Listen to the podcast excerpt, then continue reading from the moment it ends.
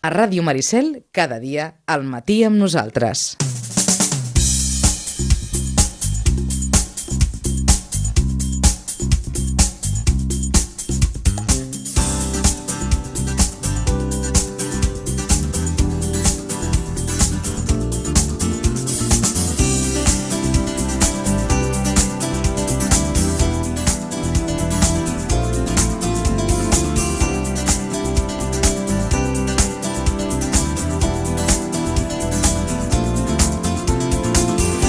Acostant-nos al punt de, de dos quarts d'onze del matí, una mica de crònica esportiva fins més o menys els vols de les 11 en un cap de setmana que ens ha deixat eh, resultats interessants. Eh, per exemple, la victòria amb el triomf vital del bàsquet Sitges dissabte aquí amb el Club Bàsquet Quart de Girona 74 a 70 era una victòria necessària i obligada per als homes de Balta Molina que després de perdre amb el Vilassar i amb el Sant Adrià doncs, necessitaven guanyar el Club Bàsquet Quart el passat dissabte amb de Pinsbens. Com també hauran de guanyar els dos propers partits que li queden, el de Vilassar i també el del Sant Adrià ja per tancar aquestes fases d'ascens. Partit treballat, clàssic partit en què l'equip va de menys a més i victòria, en repetim, molt important la que va aconseguir el bàsquet Sitges davant el club bàsquet quart. Eh, el Sitges B, de futbol, que vaja, no té cap mena de límit aquesta temporada. Ahir, victòria 1 a 3, 1 a 3 al camp de l'Atlètic Vilanova. Perquè se'n facin una idea, última derrota del Sitges B a la Lliga 18 de desembre. Curiosament, a Iguadols amb l'Atlètic Vilanova. Ha passat una volta i el Sitges B no ha tornat a perdre. Números, vaja, mm, extraordinaris per l'actual conjunt d'Àlex Villalgordo, però, òbviament, també molt de mèrit la tasca que van fer fins fa molt poquet Toni Salido i Sergio Alcaraz, que ahir doncs, també van ser a Vilanova per assistir en aquest partit que el Sitges B, repetim, va guanyar 1 a 3 a l'Atlètic Vilanova. El primer equip, eh, però, es va haver de conformar ahir al migdia amb un empat a un amb l'Atlètic Prat Delta. Vaja, un resultat, eh, no direm que injust, però el Sitges va mereixer doncs, eh, sumar ahir els 3 punts. No hi va haver manera, no hi va haver encert de cara a porteria, alguna que altra decisió arbitral també mm, polèmica, que no va agradar gens als Sitges, però en qualsevol cas, empat a un que deixa amb els Sitges a les portes de quedar tercer aquesta temporada. No era l'objectiu, però mm, el tercer lloc que eh, s'haurà de treballar fins al final, perquè recordem que el Sitges ara eh, té jornada de descans i jugarà amb el seu últim partit d'aquí 15 dies al camp de l'Òdena, un Òdena que ja està totalment eh, descendit. Eh, dos quarts d'onze. D'aquí uns moments saludem eh, l'Isidre Gómez, amb ell hem de fer ja l'habitual repàs als resultats en matèria de futbol base pel que fa als equips de la Blanca.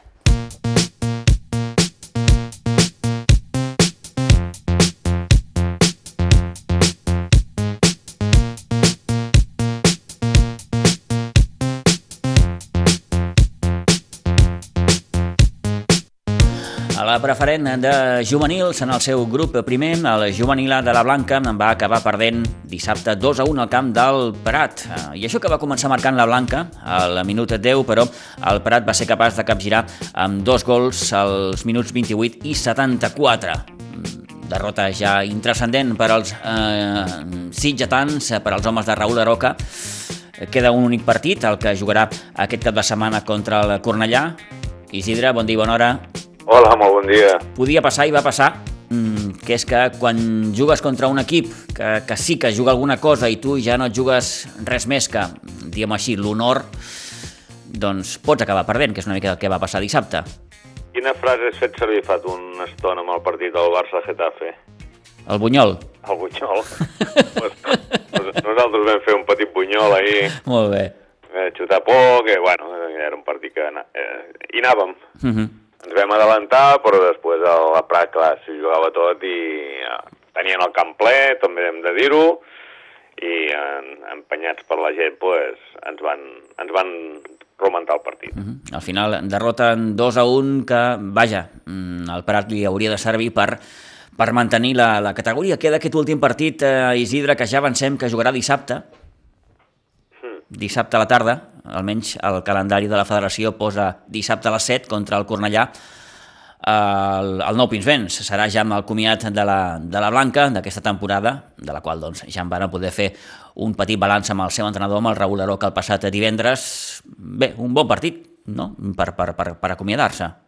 Sí, aviam, és el segon, Mm. i aviam si ens motivem i, i ells tampoc no venen així a, amb moltes ganes guerreres i, i fem un bon partit i bueno, que surti el que, el que surti. Molt bé, doncs eh, Blanca Cornellà per tancar ja aquesta temporada amb la preferent de, juvenils. Pel que fa a la resta, eh, Isidre, suposo que en parlarem, però mm, l'infantil ACA mm, bé, va fer un nou pas cap a, cap a preferent aquesta jornada, eh? A un puntet ho tenim. A un puntet, sí, va guanyar 2 a 1 a l'escola de futbol Gavà. El Martorell va punxar, Sí, sí. va, va, va empatar 1 a 1 a Cubelles, per tant, ara mateix la classificació l'encapçala la Blanca amb 69 punts, el Martorell és eh, segon amb 64, queden dues jornades, per tant, com molt bé apuntava l'Isidre, amb un puntet la cosa ja està, ja està feta. Ja està quasi el sac i lligat, però bueno, juguem-los, perquè no, són els ribetans i els vilanovins. Vaja, sí, sí, sí, dos derbis per acabar que no està gens malament. Exacte. Coses pitjors s'han arribat a veure. Bé, doncs hem volgut eh, continuar per aquest infantil A que, mm, bé, podria acabar la temporada amb, amb una gran alegria, sens dubte, com és aquest ascens a la, a la preferent. Pel que fa a la resta, Isidre, què tal? Mira, et començo amb el cadetà, que ha sigut un... que volia fer un comentari, Mm, si em permet. Sí, tant. Eh, la primera volta, eh, que es tenia que jugar el 16 de gener, els senyors d'Alcalà van demanar canviar o ajornar el partit perquè no tenien entrenador. Els hi vam dir que, que per aquest motiu no, no, era, no era possible fer un aplaçament ni, ni, ni canviar el partit. Ens van contestar, moltes gràcies per la vostra sensibilitat, ho tindrem present. hosti. El divendres eh, abans del partit, el dia 14 de gener, a les 7 de la tarda rebem un, una comunicació de la federació que suspenien el partit per força major, Covid del visitant. Vol dir que aquella gent tenien bastants casos de Covid que se'ls van declarar en un dia i mig. Entenem que va ser un metge del poble que va firmar totes les autoritzacions necessàries pel Covid i el partit es va ajornar com tal, com, com havien demanat ells.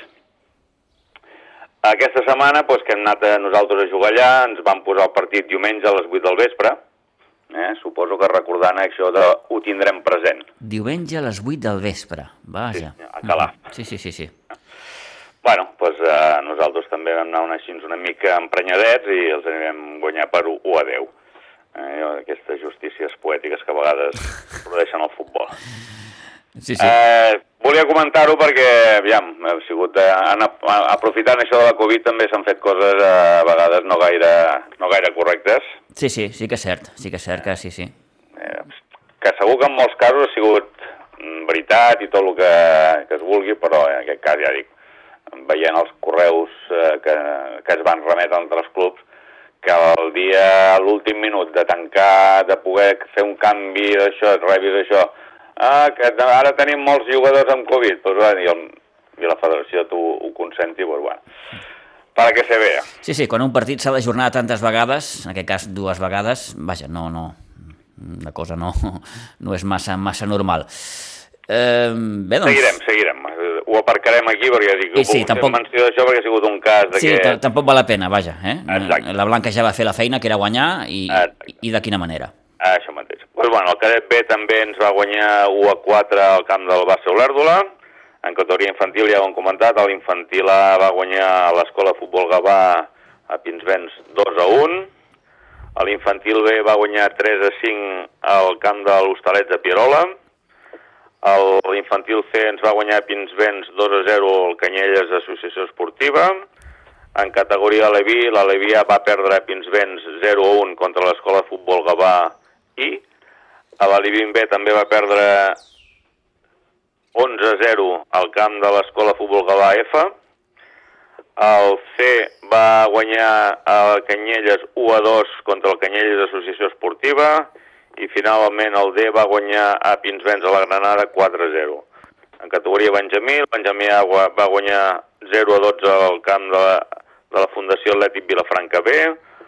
El B es va imposar 13 a 1 a Pinsbens a l'Sporting Gavà 2013. El C va guanyar 3 a 7 al camp de l'Ateneu Igualadí. I finalment el Benjamí D va guanyar 8 a 0 a Pinsbens a la Fundació Atlètic Vilafranca B.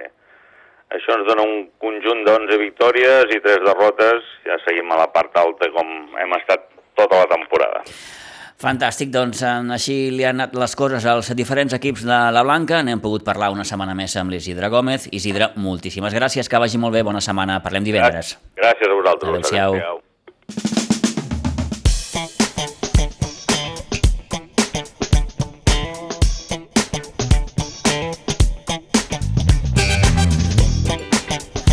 10 i 38 minuts del matí, no deixem de parlar de futbol perquè s'ha disputat eh, la jornada número 28 a la segona catalana i com els dèiem ara fa uns moments, la Unió Esportiva Sitges es va haver de conformar amb un empat a una ahir al migdia davant l'Atlètic Prat Delta. Um, vaja, um, aquí ja està gairebé tot, tot decidit. El Sitges el millor que li pot passar és acabar tercer aquesta temporada. No era l'objectiu, òbviament, però mm, si això ha de ser un mal menor, doncs... Mm, escolta'm, som-hi, endavant. Això sí, s'haurà de guanyar a Òdena, no aquest cap de setmana, sinó el que ve, perquè al Sitges li toca descansar a la penúltima jornada, i esperar que el Terlenca perdi un dels dos partits que li queden. Un és el camp del Sant Mauro, aquest proper cap de setmana. Veurem com acaba tot plegat, però Comencem ja a parlar d'aquesta jornada a la segona catalana. Tenim ja amb el Toni Muñoz al telèfon. Toni, bon dia, bona hora. Bon dia, Pitu. Mm, no sé si dir que el punt d'ahir és poc punt. Sí, sí, sí, és poc punt. És poc punt eh, per lo que es va mereixer l'equip, no? Eh, perquè l'equip va tenir ocasions per a guanyar el partit i al final lo acaba empatant. No n'hi ha manera que es pugui guanyar un partit eh, eh, en les últimes jornades a casa, no? Eh, el Sitges va jugar molt millor, va tenir ocasions per a guanyar el partit, però una vegada la falta d'encert, una altra vegada eh, l'auxiliar que es veu que tenia mm, malament el braç, aixecava cada moment per fora de joc i, de fet, un gol de Carlos Enarejos i una jugada de, de Dani Mickley, doncs eh, lo anula per fora de joc, eh, molt dubtós, eh, doncs perjudiquen els Sitges que al final se tenen que conformar amb un punt i, com tu dius, és un poc punt. Mm, eh, malgrat tot, eh, no sé si el Sitges el... vas veure millor la primera que la segona part, Toni? A veure, eh, sí, la primera, me va agradar molt l'inici del Sitges perquè va pressionar molt. Eh, el Sitges eh, porta un estil més o menys al B, no? El que passa que, clar, aquí són jugadors que estan més experimentats, que són jugadors eh, amb una edat més avançada i doncs li costa més fer el pressing que fa el B, no? Però, més o menys, eh, doncs, eh, Eh, la tàctica la mateixa, no? Eh, I i l'equip me va agradar la primera part, me va agradar bastant la primera part, també me va agradar la segona, però eh, la sortida del Sitges me va agradar bastant. Mm. Arnau feia l'1-0 al minut 71, un golàs, eh, enviant un xut per sobre la sortida del, del porter, però l'Atleti Prat Delta va aconseguir l'igualada al minut 82 i al final aquest empat a un que deixa el Sitges Toni tercer a la classificació mm, no té assegurada ja aquesta tercera posició eh, hauran d'encadenar-se de, un seguit de resultats. D'entrada hauràs d'anar a guanyar a Oden a l'últim partit d'aquí 15 dies, però hauràs d'esperar que el Terlenca perdi com a mínim un dels dos partits que li queden. Sí, clar, és que eh, ahir guanyes el partit i ja pràcticament no tens fet el tercer lloc, no? Sí. Que, que és marc menor, no? Perquè, clar, tothom volíem eh, aquest any aprofitar com estava l'equip per a l'ascens, no? eh, sobretot la primera volta. Al final, doncs, eh, clar, tu guanyes aquest partit i ja t'assegures el tercer lloc, no? Després de l'empat que havia rebut la, eh, doncs el terreny barcelonista a casa amb el Cubelles. Però no pot ser, acabes empatant i ara tens que esperar, doncs, eh, ja no depèn de tu, Eh, depèn Exacte. de les circumstàncies. Escoltem Toni Salido, l'entrenador de la Unió Esportiva Sitges, eh, valorant aquest empat d'ahir, eh, una miqueta allò emprenyat, sobretot amb, amb l'actuació arbitral i el fet que bé l'equip tampoc va ser capaç de, de, de, de transformar eh, les nombroses ocasions que va tenir. Bueno, la verdad que la actitud del equipo y el juego del equipo ha sido bueno. Hemos estado totalmente con el balón controlado, hemos generado muchas ocasiones de, gol. Sí que es verdad que al final, eh, como no las metas, pasan todas estas cosas, ¿no? Que al final te acaban empatando en un balón a balón parado. Pero bueno, a nivel, a, nivel general del grupo, a nivel general de estas dos semanas, eh, bueno, los chavales están metidos, están enchufados, van, están yendo bien y bueno, eh, la verdad que estas dos semanas no podemos pedir mucha cosa más que acabar de la mejor manera y competir, que al final hoy lo hemos hecho, hemos competido, hemos querido ganar hasta el último minuto, lo hemos intentado eh, y creo que también, pues, bueno, no, no, hoy no nos ha ayudado, eh, creo que el gol de Carlos pues, es un gol clarísimo que no lo anulan, hay dos penaltis que quedar, pero bueno, al final, al final te quedas con esto, ¿no? Pero en verdad, en verdad tiene, cuando generas 11, 12 o 13 ocasiones de gol, pues al final tienes que meterla. Y no nos acordaríamos de estas decisiones, ¿no? Pero bueno, eh, definitiva contento con, con estas dos semanas, eh, intentando de, de- de- de que compitan, de que darle un poco de alegría al grupo y, y así haremos hasta final que solamente nos queda Ódena, iremos allí y plantearemos el partido e intentaremos sacar los tres puntos como lo hemos intentado sacar hoy. Toni, és la primera vegada que podem parlar amb tu des que et van nomenar tècnic del primer equip. Què tal, com et sents? És una situació que no és fàcil, tampoc molt complicada, perquè l'equip ja no juga pràcticament res, però com, com estàs tu, com, com et sents? Bueno, la verdad que primero de todo contento, ¿no? Porque, bueno, eh, se ha valorado también el trabajo que hemos hecho en el B y, y al final también te, te pones contento de que cuando haces un trabajo que, que- sale bien, que te lo valoren.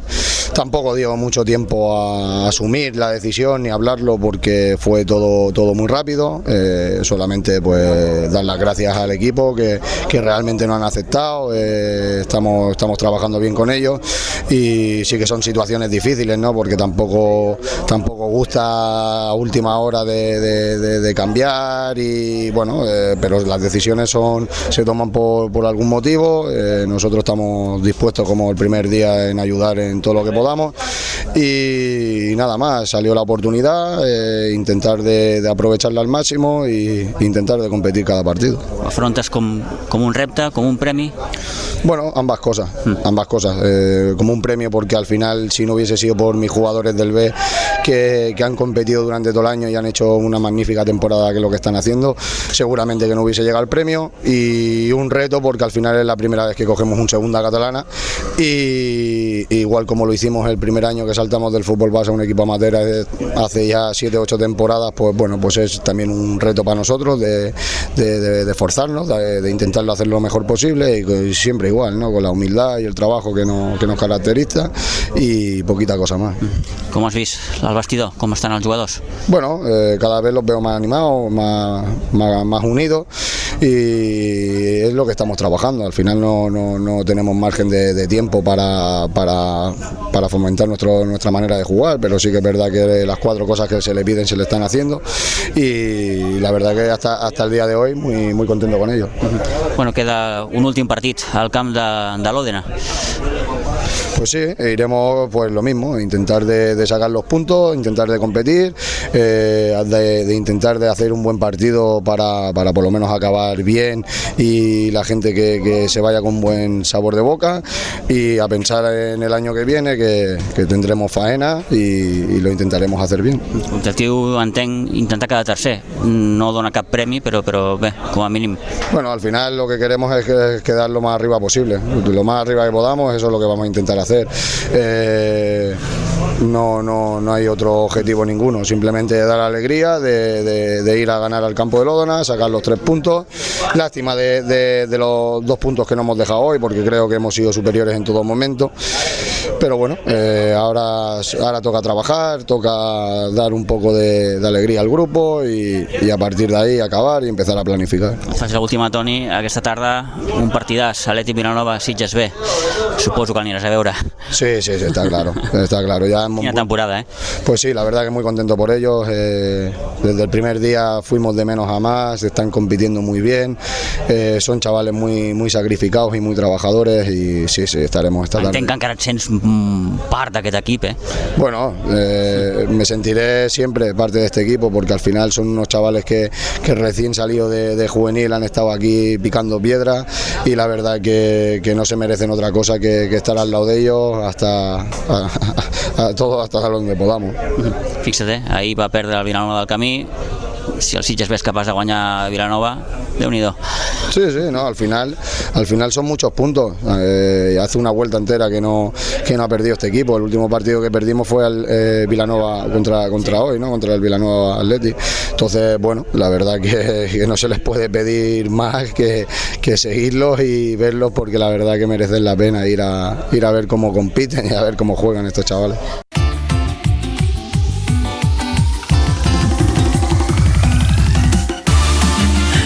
Efectivament, Toni Salido va estar ahir a la tarda a Vilanova per veure la victòria, Toni, del Sitges B a Vilanova, davant l'Atlètic Vilanova. Sí, Mm. sí, sí. Eh, és increïble, el d'aquest equip. Sí, però jo ja no diria la victòria, eh, el que passa, el control del, de l'equip, no? Va controlar perfectament en tot moment el partit, va tenir la posició de la pelota, de la pilota. Eh, L'Atlètic Vilanova en cap moment va saber jugar-li eh, doncs als Sitges. Aquesta pressió de la sortida de la pilota que tant hem parlat al llarg de la temporada doncs eh, ofega els equips i també va ofegar doncs, a un Atlètic Vilanova que no havia perdut cap partit des del dia que jugava amb els Sitges que va guanyar, el- des del dia que va guanyar els Sitges no perdia cap partit i ves per on doncs lo va perdre eh, una, una, una, una segona volta, eh, doncs tota una volta en la que el Sitges doncs, ahir va demostrar que, és, eh, que, que va ser superior a l'Atlètic Vilanova, que Jaume Font al minut 27 feia el 0 a 1, que la primera part acabava amb 0 a favor del Sitges. També és cert que l'Atlètic Vilanova té dues ocasions claríssimes. Sergio Jiménez té davant del porter de Lobato, d'Adrià Lobato, dos, eh, encarant l'1 contra 1, dos eh, pilotes de gol. Eh, està molt acertat el porter eh, i la primera part acaba doncs, amb aquest 0-1. Però la segona, els primers 5 minuts són de l'Atlètic Vilanova, Eh, el que passa que ja a partir de los 5 minuts, Jaume Font al minut 61 marca de nou el segon gol, el salvador dels Sitges.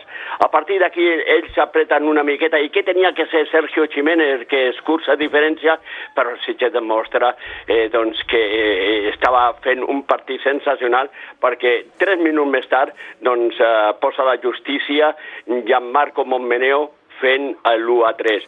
Partit sencer dels Sitges, no va canviar res, continua jugant de la manera doncs, que ha jugat al llarg de tota la temporada i això li va fer molt de mal a l'Atlètic Vilanova, que va tenir que veure com perdia a casa per als Sitges un gol a 3, però ja no tan sol el resultat, sinó és el partit que va fer els Sitges. Ara recordo, Toni, el que dèiem divendres, eh? El Sitges B no pot pujar, Sí, quina llàstima, mm, però, perquè es mereixen premi, eh? però s'ho mereixeria, eh?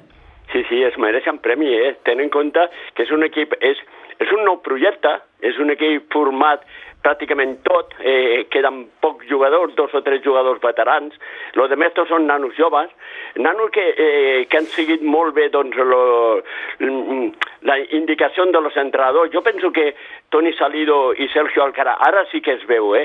Ha fet una, han fet una feina sensacional, ara es veu però clarament la feina que han fet, i, i, i, i, i per mi el mèrit de, de, de l'Àlex Villagordo és que los deixa jugar, que l'equip està jugant igual que estava jugant amb el Toni i amb el Sergio, i això doncs, fa que l'equip jugui com sap, eh, no canvi res, perquè si vas a mirar les alineacions i tot això mm, pràcticament són les mateixes, no canvi res i juguen a plaer, no? I això és el gran èxit tant d'uns com ara de l'Àlex, no? Que té tota la confiança en l'equip. Fixin-se com està la classificació. Penya Jove, 67 punts. El Sitges B, que li treu la segona plaça a l'Atlètic Vilanova, 63 punts. Uh, Vilanovins i els altres vilanovins, els del camí, empatats a 60 punts, en una jornada en què el Vilanova del Camí va perdre contra el pronòstic amb l'Ateneu Igualadí 0 a 1. Queden quatre jornades, Toni. El Sitges B li toca descansar aquest proper cap de setmana, després li quedaran dos partits fora i una casa. Eh, Torrellenc, eh, Poble de Claramunt i Piera. Aquests són els tres últims rivals que tindrà el Sitges B, però la llàstima és, com dèiem, que la magnífica temporada no, no tindrà més premi que la classificació en aquest cas. No, el que passa que aquest eh, és un equip ambiciós i, home, no li importaria quedar el més alt possible, no?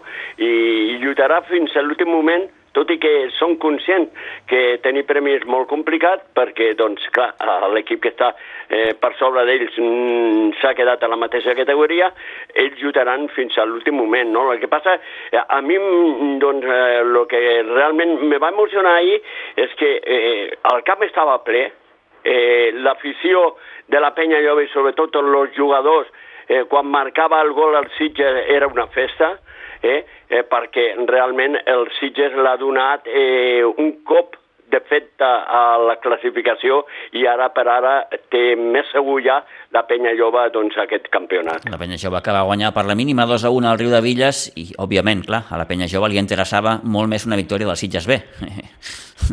Això és així. Sí, sí, i, i estaven tots els jugadors al camp, eh? Sí, sí, clar. Tots, tot, tot, tots els jugadors, Contreras, eh, Quique Aranda, tots els jugadors estaven, l'entrenador, el president, els dos entrenadors, estaven tots allà i sobretot els jugadors era una festa, no?, cada vegada que marcava el Sitges.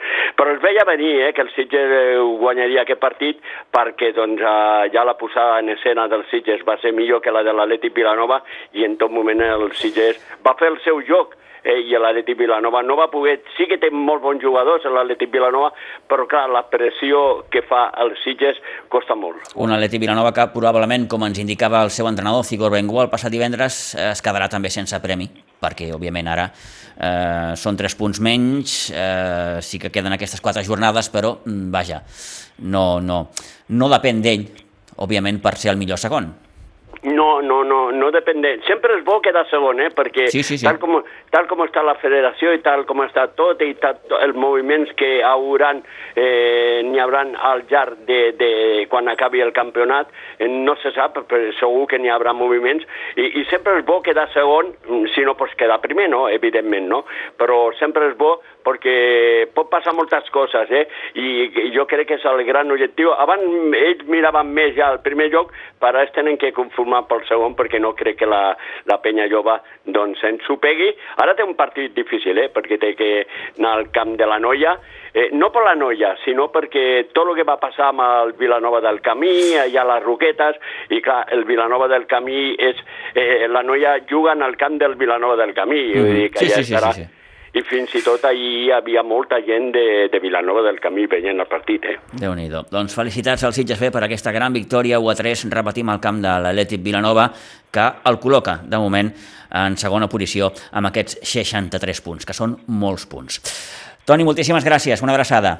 Molt bé, Pitu. Adéu, bon dia. Abraçada. Adéu.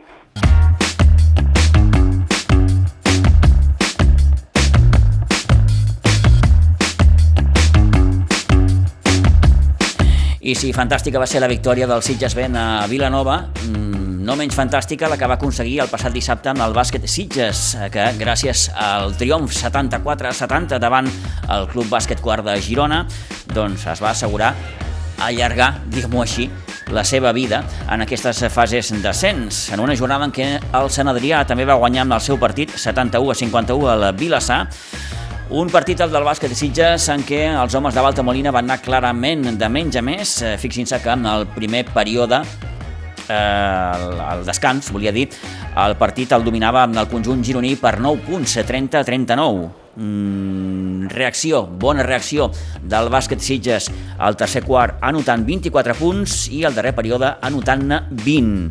Eh, des del punt de vista de l'anotació, Oriol Camproví va fer 17 punts, bon partit però també en general de tot l'equip, però en especial també de Jan Carrion, que va anotar 12 punts. Potser la nota negativa, la lesió de Bustos, veurem si li impedirà ser o no aquest proper dissabte a la pista del Vilassar.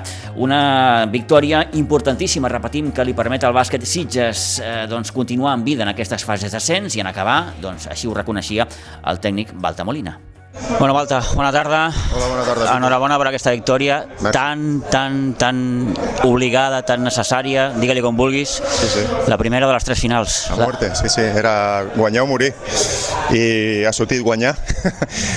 eh, L'hem patit, bueno, com, com s'esperava d'aquesta fase, d'aquesta segona fase d'ascens. S'esperaven aquests, aquest tipus de partits.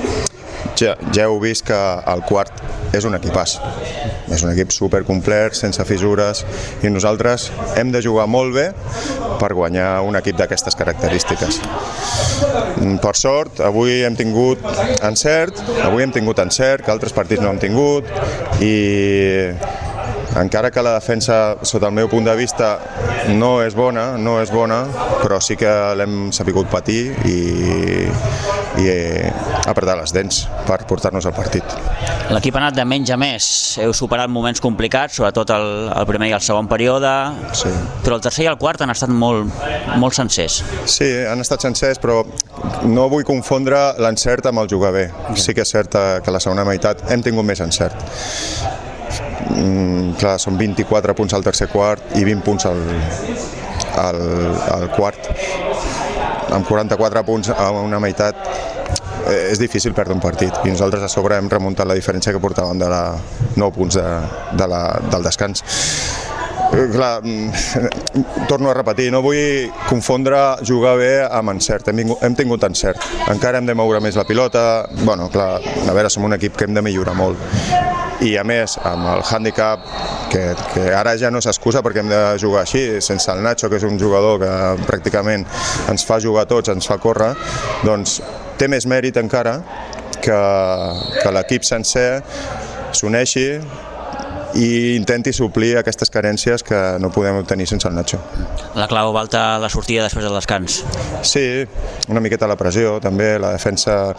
Ara ja portem més temps entrenant al pavelló, ja hem treballat una miqueta més la, U contra, la U3-1 i treu una miqueta de fruit. I la veritat que no és 100% la culpable de tot, però sí que és cert que hem recuperat pilotes a la vegada que ens fa eh, augmentar la intensitat defensiva perquè és una defensa agressiva i una defensa de risc i per tant hem d'anar a tope i aquest anar a tope és el que ens dona els partits. I ja no és només un desgast físic, sinó un desgast també mental, psicològic, no? Com, com arribeu a aquest partit sabent que, que, que és un caixa o faixa? Sí, sí, sí, sí. Mai, mai havíem parlat tant l'equip entre tots i, i, i, i havíem dialogat tant de com havíem d'encarar aquesta fase de la Lliga i més havent perdut dos partits. El que fa mal és sobretot Vilassar aquí a casa, aquest, aquest ha, ha fet mal. UPSA doncs, és un equip molt ràpid i la veritat que igual que el Vilassar, eh? ens va guanyar perquè van jugar millor però l'hem donat la volta, ens hem unit i, com he dit abans, intentant suplir les carències que no tenim amb el Nacho i una miqueta de sort per, a, per l'encert al llançament i ens, ens hem aportat el partit amb una, contra un equip molt complicat i molt bo. L'equip ha demostrat caràcter, sobretot, que és molt important, i estic d'acord, no? Vull dir, ho heu de fer molt bé per superar grans equips com, com, com quart. Sí, sí, eh, qualsevol partit que baixem d'un 30... Avui no, avui no estàs al nivell i, i perds segur. Exactament, i no, no, no solament has de fer un desastre de partit, sinó que no arribes a un 30% d'encert al, al tir de 3 o un 30% al tir de 2 i, i ja està, no, no tens res, perquè l'equip contrari, per molt que tu defensis, mmm, ficant 67 punts et guanya. Queden dos finals més. Sí, dos finals. La de Vilassar, que evidentment és la, és la propera, és, és la més important. Sí, però bueno, hem d'encarar aquesta, aquests dos partits. Eh, penso eh, fent incís a la sort que tenim de tenir aquests dos partits. Ja. O sigui que podíem estar ja classificats, podríem dir, no? Si haguéssim guanyat els quatre, doncs mira, ja estem classificats. Allò de veure el got mig ple. Sí, clar, sí, sí, tenim sort de- d'estar aquí. Hem tingut mala sort per circumstàncies, ara, ara veurem la lesió del Bustos, perquè clar, uf, també, un jugador que ens estava fent de Nacho, i, i avui s'ha esguinçat el turmell, no sabem els dies que estarà de baixa, però bueno, és, és el que hi ha. Sigui, som, un, som un equip, eh, fins a cert punt, mm, eh, sense gaire recanvis. No? Eh, els recanvis encara han de madurar. El Pau ha jugat molt bé avui, el Nil també, però encara els hi falta una miqueta. No? Eh, un partit del Jan avui. Mo, sí, bueno, ha estat pràcticament la clau. Escolta, ha agafat 8 rebots, eh? 12 punts, 8 rebots. Bon partit del Jan. No Valent, decidit de cara a Cistella. Sense perdre pilotes, que és el problema que fins ara ten, tenia i, i hem tingut sort en, en aquest sentit també. El Jan s'ho ha currat, eh? El Jan és un currant increïble. Mm, i molt positiu a més perquè ha tingut partits dolents i l'actitud sempre ha estat positiva, estic molt content amb ell. Bueno, ara una setmana per endavant per treballar el partit de Vilassar. Vaja, no sé quin tipus de partit preveus, si molt semblant al d'aquí, molt diferent. El Vilassar sap jugar molt bé el 5 estàtic i aquí tindrem problemes si no, si no tenim idea a la defensa. Mm, encararé aquesta setmana incidint a la U3U, que de moment ens està donant fruits, i potser una zona 2-3, potser, si tenim sort que no ens fiquen 9 triples, la seva mitja són 5, doncs intentarem mantenir-los a la mitja, i si també tenim aquesta sort, potser una 2-3 conservadora, ens durarà fruits també. Ja veurem. Molt bé, Valta, moltes gràcies i enhorabona, repeteixo per la victòria. Gràcies, Pitu.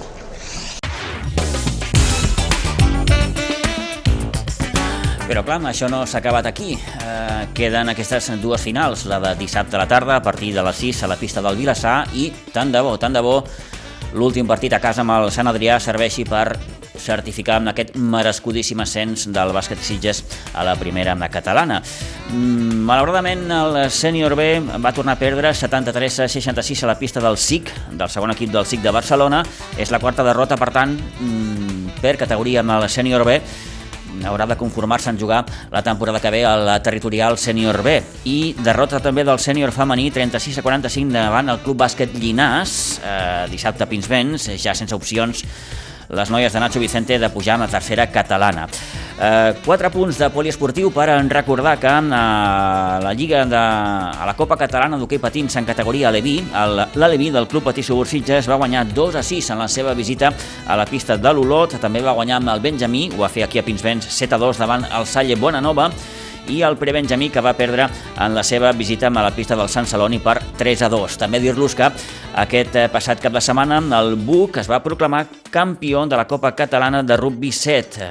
La fase final es va disputar el dissabte amb la Nou Santa Bàrbara de Sitges. El BUC que es va imposar a la gran final a l'Hospitalet el va derrotar per a 5 a 0 pel que fa al Rugby Club Sitges, doncs va perdre dos dels tres partits que va disputar. Va perdre contra el Poble Nou, 21-24, també contra el Buc, contra el campió, 35 a 14, en canvi va guanyar el partit contra el Sant Cugat per 29 a 24. Amb aquests apunts de rugby finalitzem el nostre temps d'esports, 11 i 4 minuts.